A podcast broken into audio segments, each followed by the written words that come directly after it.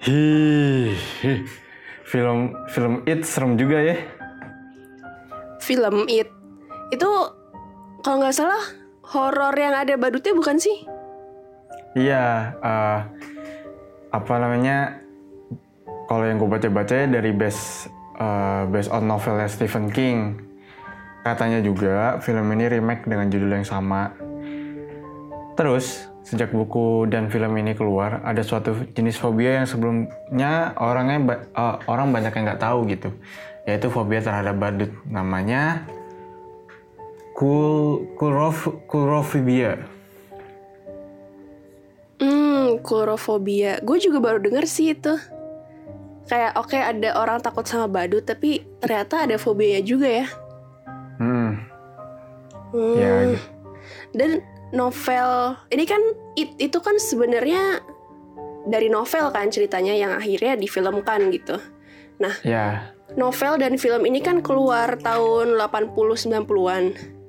ya Tapi tahu nggak sih, ternyata ada sosok badut jahat, lebih tepatnya pembunuh berantai yang juga berprofesi sebagai badut, yang menjalankan aksi kejinya di rentang tahun 72 sampai 78. Jadi eh, ini yang sosok badut jahat yang realnya gitu. Oh, berarti eh nggak tahu sih, tapi tapi kayaknya eh mungkin Stephen King ambil beberapa itunya dari situ kali ya. Hmm, maybe yes, maybe no sih, karena kan Nah, kalau namanya novelis kan ini kan maksudnya dapat inspirasi dari mana aja gitu kan tapi bisa jadi Iya. kalau misalnya ya ya ya. pembunuh berantai dalam sosok badut ini dia bisa jadi inspirasi untuk cerita di apa tahun-tahun berikutnya gitu Hmm, hmm, oke.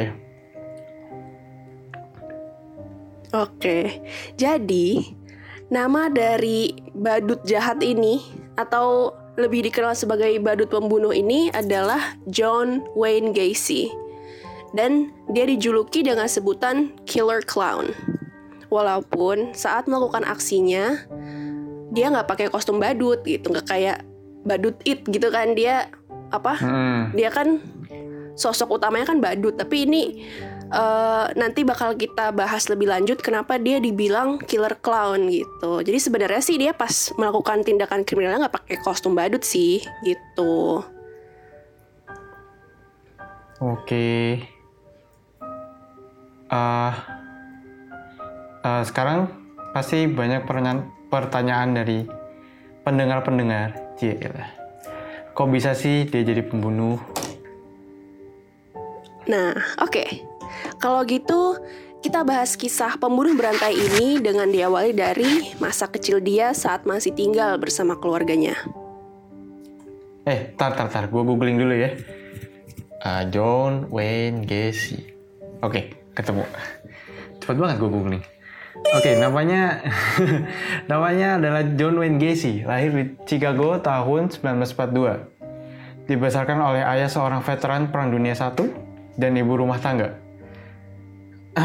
Gacy dikenal sebagai anak yang ah, kalau bahasa sekarangnya ngondek kali ya. Karena sangat dekat dengan ibu dan saudarinya. Eh, ayahnya juga seorang alkoholik dan sering melakukan kekerasan terhadap anak-anaknya dan istrinya.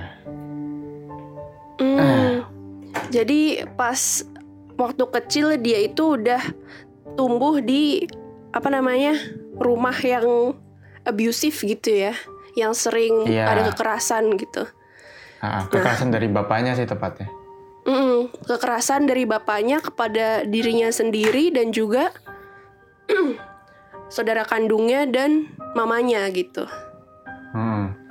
Lalu kita fast forward ke saat dia remaja, saat dia berumur 18 tahun tepatnya, Gacy ini mulai masuk organisasi politik di kotanya gitu. Terus eh, dia mencoba melakukan berbagai pekerjaan. Sebenarnya karena dia sebenarnya yang kita temukan di sumber kita ini, dia itu mulai masuk organisasi politik untuk kayak apa ya? Untuk membuktikan ke ayahnya bahwa dia tuh dia tuh bisa like he wants to prove himself gitu. Jadi gitu. Oh, oke. Ya, jadi 18 Mulai tahun. aktif tuh ya. Mm-mm, jadi 18 tahun maksudnya umur kuliah lah gitu masuk kuliah dia udah bisa masuk organisasi politik, terus dia mencoba melakukan berbagai pekerjaan dan akhirnya pada umur 22 dia berhasil menjadi manajer di KFC. Wih, bagus banget karirnya ya. Iya, dan nggak kelihatan gitu kalau misalnya dia tuh ada bibit pembunuh berantainya. Walau dia sebenarnya sebelum melakukan pembunuhan pertamanya tuh beberapa tahun sebelum itu dia udah menunjukkan beberapa tingkah yang bisa kita bilang mencurigakan gitu. Kayak lo suka denger kan kalau misalnya pembunuh berantai itu suka memancing mangsanya untuk ngikutin dia dan setelah itu dia melakukan tindakan kejahatan yang dia mau gitu. Nah, terus kita mulai ini nih, kita mulai ke pembahasan yang dia mulai melakukan tindakan kriminal walaupun belum pembunuhan. Nah, di umurnya yang baru 25 tahun, dia itu masih menjadi anggota organisasi politik dan iya gitu. Oh, gitu. Tapi kalau dari penjelasan lu tadi ya, gue rasa nih orang nggak mungkin kriminal sih. Mungkin polisi salah tangkap kali waktu dia umur 25 tahun itu. Hmm. Jadi kalau misalnya waktu umur 25 tahun ini menurut gue sih masih muda sih kayak apa? Dewasa muda gitu lah ya. Jadi kayak masih apa ya? Menurut gue sih kayak terlalu muda gitu untuk melakukan tindakan kriminal kayak gini. Ya walaupun ya maksudnya kebanyakan kan kalau tindakan kriminal ini entah mengapa gue bayangannya tuh udah bapak gitu. Jadi dari umur 25 tahun dia udah melakukan eh, pelecehan seksual dan dia ini Mhm. si Gacy sempat dipenjara akibat perlakuan pelecehan itu. Jadi pelecehan itu Hmm. merupakan apa? pelecehan homoseksual kepada seorang remaja laki-laki dan akhirnya dia di eh, dia ditangkap tuh dan didakwa selama Oh. 10 tahun. Oh, tar, tar, Tapi- tar, tar. Mm-mm. Tar, tar deh, tar deh. Kok dia bisa homo sih? Kan bokapnya kasar banget sama dia. Nah, itu dia mungkin dia dari kecil udah mungkin eh, kecenderungannya memang dia agak kayak perempuan atau gimana gitu. Sebenarnya gue nggak pernah lihat kayak video tentang dia gitu kayak gimana sih pembawaannya dia, cara dia ngomong, cara dia jalan gitu-gitu. Tapi Hmm. apa ya? eh menurut kalau misalnya pembu kita ngomongin pembunuh berantai gitu kan biasanya ada eh, pola yang sama gitu di mana dia dapat kekerasan waktu kecil terus akhirnya pas udah gede dia melakukan kekerasan juga gitu jadi Oh. eh, mungkin kenapa dia melakukan pe- pelecehan itu kan termasuk kekerasan juga gitu ya mungkin karena ada pengaruh dari masa kecilnya dia yang penuh kekerasan itu gitu Oh, I see. Jadi, jadi ya mungkin karena dia dekat sama ibunya kali ya, dekat Hmm, banget gitu. ha. bisa Mungkin jadi bisa juga- enggak tapi ah. soalnya kan banyak juga kan cowok-cowok yang dekat sama ibunya tapi ya fine fine aja gitu memang dia masa kecilnya Mungkin- emang ini sih kayak berat banget Iya. gitu Ah, ah. ya nggak tahu sih. Cuma ya karena bokapnya abusive mungkin jadinya dia eh, nggak dapat sosok ayah gitu kali ya. hmm bisa Nggak- jadi Nggak tahu ya, tapi ya ya bisa jadi sih gitu. Oke Mm-mm. lanjut. Nah, tadi kan dia udah, udah ditangkap nih dan didakwa selama Hmm, 10 hmm. tahun. Ya. Tapi sebelum bahkan sebelum seperempat hukumannya dia dijalani, itu dia tuh dapat keringanan gitu. Setelah 18 bulan jadi tahanan, dia dapat keringanan yaitu dia bisa keluar dari penjara. Kalau misalnya kita ngomongnya masa percobaan gitu. Mm-mm. Dengan syaratnya adalah dia harus tinggal bersama ibunya di kota asalnya dia gitu yaitu Chicago. Jadi pas dia melakukan pelecehan seksual ini dia ditangkap di bukan di Chicago jadi di uh, di Iowa. Mm-hmm. Terus uh, dia juga masuk penjara di Iowa. Terus dia juga dapat percobaan juga dari uh, kepolisian Iowa gitu. Jadi oh. apa bukan di kotanya, bukan di bukan di kota asalnya gitu. Nah, oke okay. okay nih. Dia udah dapat masa percobaan, dia keluar dari penjara gitu kan. Oke, okay, dia pergi ke Chicago. Dan di Chicago ini dia melakukan beberapa tindakan kejahatan hmm. yang mirip sama yang sebelumnya dia lakukan gitu ya nggak jauh-jauh dari pelecehan seksual terhadap uh, remaja remaja laki-laki gitu jadi dia hmm. melakukan beberapa tindakan kejahatan yang entah mengapa nggak terdeteksi sama lembaga percobaannya yang ngasih dia masa percobaan gitu di Iowa gitu. Akhirnya 8 bulan kemudian uh, mungkin dia dinilai bersikap baik gitu ya. Jadi masa percobaannya berakhir dan uh, mungkin dengan nilai yang bagus dan ajaibnya catatan kriman, kriminalnya itu di sealed gitu karena dia sukses dalam masa percobaan. Catatan kriminalnya di sealed yaitu antara dihapus atau disembunyikan dari publik. Waduh. Hmm. Serem ya kayak mm -mm. dia udah apa? Maksudnya dia bisa juga di penjara gitu karena tindakan kriminalnya di Chicago gitu. Tapi dia enggak. Dan juga bahkan tindakan kriminal yang kemarin tuh bahkan di, dihapus gitu seakan nggak ada gitu. Jadi kayak dia bisa seenaknya aja gitu kayak melakukan lagi gitu tanpa ada orang yang mengetahui kalau dia tuh dulu pernah kayak gitu gitu kan. Nah terus hmm. singkat cerita dia juga punya bisnis konstruksi akhirnya. Dan dia juga jadi koki. Jadi tuh dia nger apa ngerjain pekerjaan yang macam-macam deh. Yang ada uh, jadi manajer KFC terus dia aktif di organisasi politik. Dia punya bisnis konstruksi dan jadi koki. Namun karena bisa jadi besar akhirnya dia full time di bisnis konstruksi itu. Jadi sebenarnya kayak hmm. yang lo bilang tadi kayak wow ini tuh karirnya bagus gitu loh. Kayak ini iya, kayak makanya. orang normal gitu. Mm -mm. Nah tadi kan kita sebut dia sebagai killer clown gitu. Jadi dari mana sih dia dapat julukan itu? Jadi di pertengahan tahun 70-an dia itu sering jadi badut untuk menghibur anak-anak di rumah sakit gitu dan dia melakukannya secara sukarela gitu. Jadi dia menemukan suatu klub badut sebenarnya ada agak aneh sih ya. Mungkin kalau misalnya di luar negeri itu lumrah, tapi menurut gue sih agak aneh. Jadi kayak perusahaan uh, dia punya bisnis konstruksi tapi dia juga jadi badut gitu di mana kalau misalnya jadi badut kan lebih kayak ke pekerjaan yang ya jauh gitu dari bisnis konstruksi gitu walaupun mungkin hobi ya hmm. tapi ya nggak tahu sih kenapa dia begitu ya jadi dia itu menjadi badut untuk menghibur anak-anak di rumah sakit secara sukarela dan kenapa dibilang hmm. killer clown karena pas dia jadi badut tahun-tahun dia jadi badut di pertengahan 70-an itu, dia itu juga melakukan pembunuhan-pembunuhannya gitu. Oh. Nah, menarik banget nih aslinya. Terus gue lagi uh, tadi, terus pas lagi pas lo jelasin, gue googling juga, ketemu akhirnya beberapa fakta tentang dia.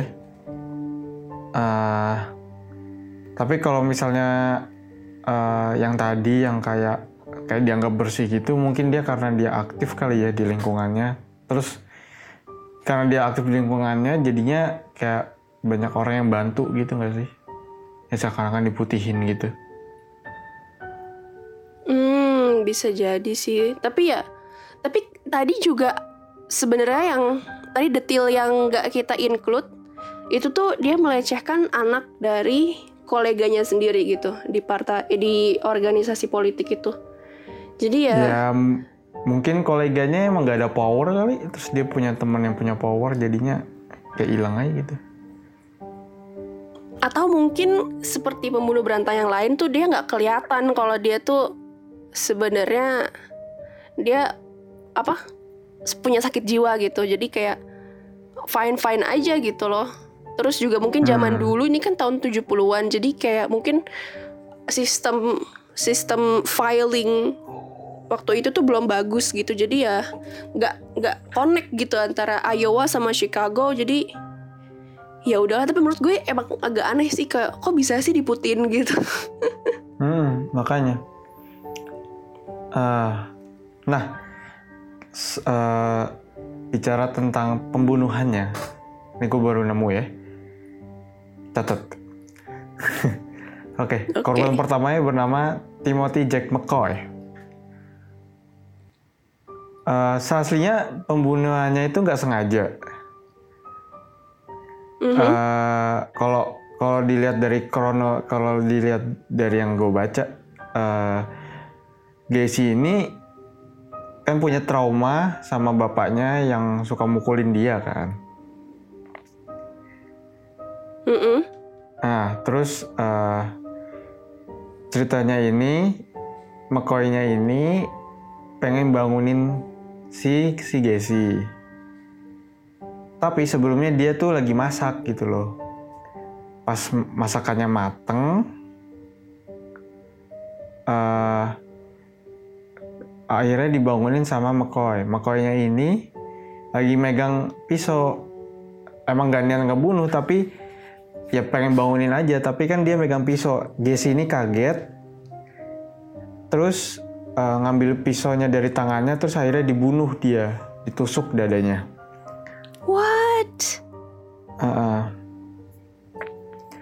terus Hmm. eh, terus jadi dia lihat cuman dapur. gara-gara kaget doang tapi Uh-uh. dia kayak overreacting gitu ya. Akhirnya dia mem- membunuh si McCoy itu iya. ya. Iya ma- menurut gua tindakan dia ada bener ya. Karena kan eh, setahu gua si McCoy ini dia cuma kenal di terminal bus.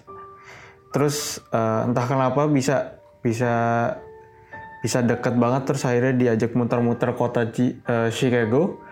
S- eh, terus habis itu eh, akhirnya pulang ke rumahnya si si Jesse ini Hmm.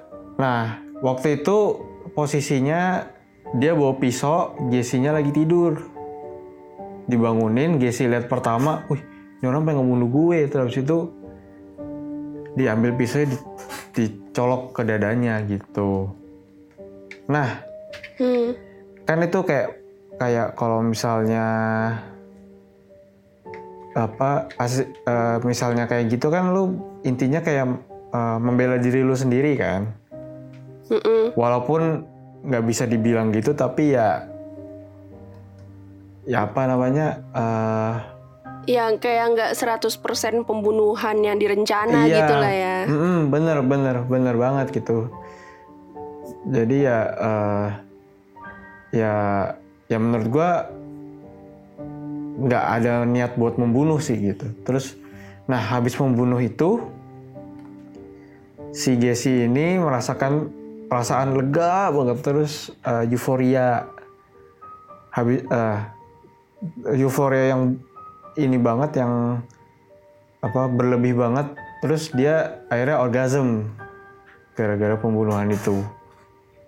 Kayak orang habis seks gitu loh terus ya gitu loh Jadi kayak, dia Kayak- tuh kayak apa pengalaman pertama yang dia dia tuh nggak tahu dia tuh bisa dapet kayak apa perasaan kayak gitu. Jadi Mhm. dia dia merasa feel good gitu karena Iya, dia udah membunuh dan akhirnya kayak apa ya dia tuh menyadari bahwa oh ini tuh rasanya eh, bunuh orang gitu dan apa? Apa sih namanya? Kayak ras- perasaannya tuh kayak luar biasa banget gitu kayak luar biasa menyenangkan gitu. Iya makanya dia sampai orgasm kan terakhir. Hmm, Aduh, hmm, aneh banget sih menurut gue tapi ya. Aneh banget sih. Eh, mungkin kayak mungkin apa ya kalau kalau otak kan punya area-area gitu jadi punya area-area gitu kan apa ada area untuk takut stres eh, bahagia gitu-gitu kan. Mungkin kayak Hmm. untuk dia karena dia sakit jiwa jadi dengan bunuh orang itu entah bagaimana salah satu area di otaknya untuk yang kebahagiaan itu pleasure itu tuh jadi aktif gitu. Jadi Iya. ting gitu loh. Jadi ya akhirnya aneh juga sih yang harusnya orang biasa dia kalau bunuh orang apa area otaknya nggak nyala tapi di sini si Gacy itu nyala gitu. Hmm, hmm, Oke. Setelah itu sekitar satu tahun dari peristiwa McCoy itu, dia itu membunuh lagi. Terus akhirnya dia bunuh lagi tahun 75. Nah, terus tahun berikutnya itu tuh yang kemarin-kemarin jadi dari McCoy sampai tahun 75 itu dia paling bunuhnya cuman satu orang gitu setahun. Tapi di Hmm. tahun 76 sampai 78 dia ini melakukan pembunuhan-pembunuhan berikutnya gitu yang Oh, akhirnya- mulai rutin ya. mulai rutin gitu. Jadi setahun bisa banyak banget gitu. Yang Hmm. akhirnya totalnya tuh bisa puluhan gitu dari apa? Dari awal dia bunuh sampai akhirnya bunuh tuh totalnya puluhan gitu. Oh, Dan- oke. Apa ya? Jadi pas apa namanya? Dia tuh di di lingkungannya dia kan ada tetangga gitu lah ya. Nah, tetangganya itu memperhatikan ada perubahan gitu di sikapnya. Di tahun-tahun itu gitu. Dia itu diperhatikan kok sering banget apa pulang pagi terus lampu rumahnya nyala dan mati pas dini hari gitu. Terus juga anak tetangganya bilang dia itu sering dengar teriakan dan tangisan di dekat rumah tetangga itu gitu. Jadi kayak Hmm. teriakan dan tangisannya itu bukan teriakan tangisan biasa gitu, tapi kayak teriakan dan tangisan orang yang dibekep gitu loh, kayak orang yang disumpel gitu. Eh, 7678 berapa ya korbannya ya kalau rutin gitu terus eh, korbannya ini berarti laki semua dong ya Hmm, hmm, hmm, laki-laki semua. Jadi totalnya itu ia mengakui 33 pembunuhan yang dia lakukan gitu dari dari awal sampai akhir. Dan dia itu mengubur setidaknya 26 orang dari 33 orang itu di bagian bawah rumahnya. Jadi kalau rumah luar negeri itu kalau di Amerika itu banyak yang kan eh, bawahnya tuh ada yang area kosong gitu. Kayak Ah, jadi kosong gitu iya, iya. antara lantai Kayak- sama kayak panggung gitu ya panggung, heeh. tapi kayak nggak Hmm. terlalu tinggi gitu, yang dinamakan dengan crawl space. Jadi dia taruh mayat-mayatnya itu di crawl space-nya. Dia dia gali lubang di situ, terus dia masuk masukin mayat-mayatnya gitu. hmm. Wih banyak juga ya Nah setelah ketahuan sama tetangganya Setahu gue dia tuh kayak mulai eh, menghentikan semua kegiatannya gitu loh Terus akhirnya ngaku ke publik kalau dia eh, pembunuh gitu Nah Jesse eh, di penjara selama 14 tahun dan akhirnya dieksekusi mati pada tahun 92 Hmm, hmm, berarti kan, oh iya benar-benar 78, 92 kurang 78, iya 14 tahun. Jadi 78 akhirnya dia melakukan pembunuhan terakhir, dia ngaku, dia 14 tahun penjara, akhirnya udah nggak ada probation lagi ya, udah nggak ada cerita. Hmm, apa satu setengah tahun dia di penjara, terus dia dapat probation, terus tiba-tiba rekornya hilang gitu, udah nggak bisa lagi gini ya, maksudnya udah 30 orang gitu, ya pasti eksekusi mati sih. Iya sih Ya. benar sih. Jadi eh, cara Gacy ini dia me- melakukan kekerasan kepada korban-korbannya, dia itu memperkosa dan juga menyiksa tawanannya gitu. Mm-mm. Jadi dia tuh dia tuh suka duduk di atas mereka gitu. Jadi duduk di atas dada mereka gitu kan. Terus uh, tindakan penyiksaannya itu dia disundut pakai cerutu. Terus juga uh, siapa namanya? Si korbannya itu dia kayak lehernya tuh diikat kayak jadi kuda gitu. Dan Mm -mm. apa sih namanya si Gacy duduk di atas korban itu jadi kayak kuda-kudaan kalau misalnya sama anak kecil gitu Oh. gitu terus juga dia itu melakukan sodomi juga pakai berbagai benda termasuk botol botol ini loh botol obat gitu kalau di luar negeri kan Oh. botol kalau misalnya kita dikasih obat gitu kan ada botolnya gitu kan biasanya warna Iya, oranye iya, gitu yang, yang bentuknya kayak tabung gitu ya. Mm-mm, gitu Hmm. Ya setelah ya dia setelah disodomi setelah dia menyodomi korbannya dia juga menyodomi korbannya lagi dengan benda gitu. Benda benda apa?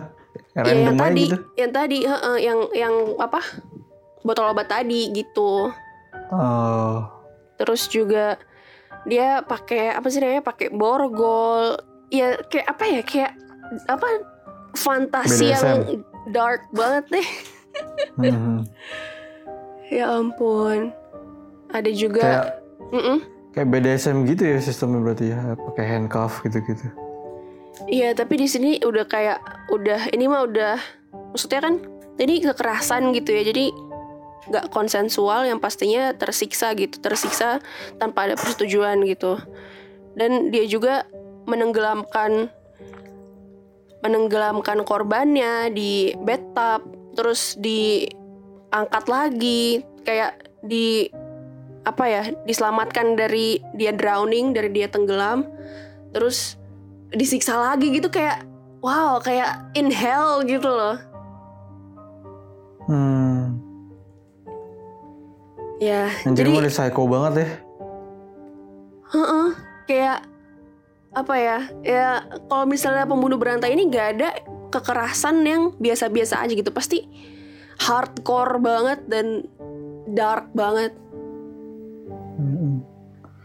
Kayak dulu kan kita sempat bahas orang Jepang tuh siapa namanya? Sutomo Miyazaki Iya itu juga parah sih. Dia ter- terinspirasi dari film anime gitu-gitu. Heeh, ya, Aduh, serem banget sih. ya kalau Uh, dia pas tuh kalau nggak salah pedofil gitu jahat. kan Iya pedofil. Nah. manusia makin serem-serem aja. kalau misalnya pas yang apa yang kali ini si John Wayne John John Wayne Gacy ini menurut lo dibanding dengan yang kemarin-kemarin kita kan udah beberapa ada bahas gitu ya Baekuni, Sutomo gitu. Nah, menurut Hmm. lo gimana sih si Gacy ini? Menurut gue dia itu cukup jenius ya apa eh apa kayak kayak Baikuni nggak sih Baikuni kan dia eh, sebagai orang yang ter apa ter apa Kayak eh, orang kayak tetangga yang baik ramah. gitu lah. Mm-mm. Iya tetangga yang baik gitu loh. Jadi santun terus dia eh, kayaknya aktif di lingkungannya sampai masuk organisasi gitu-gitu kan. Gua aja, gua aja eh, ramah mungkin iya, santun mungkin iya, tapi gua di komplek gua aja gua nggak aktif gitu loh.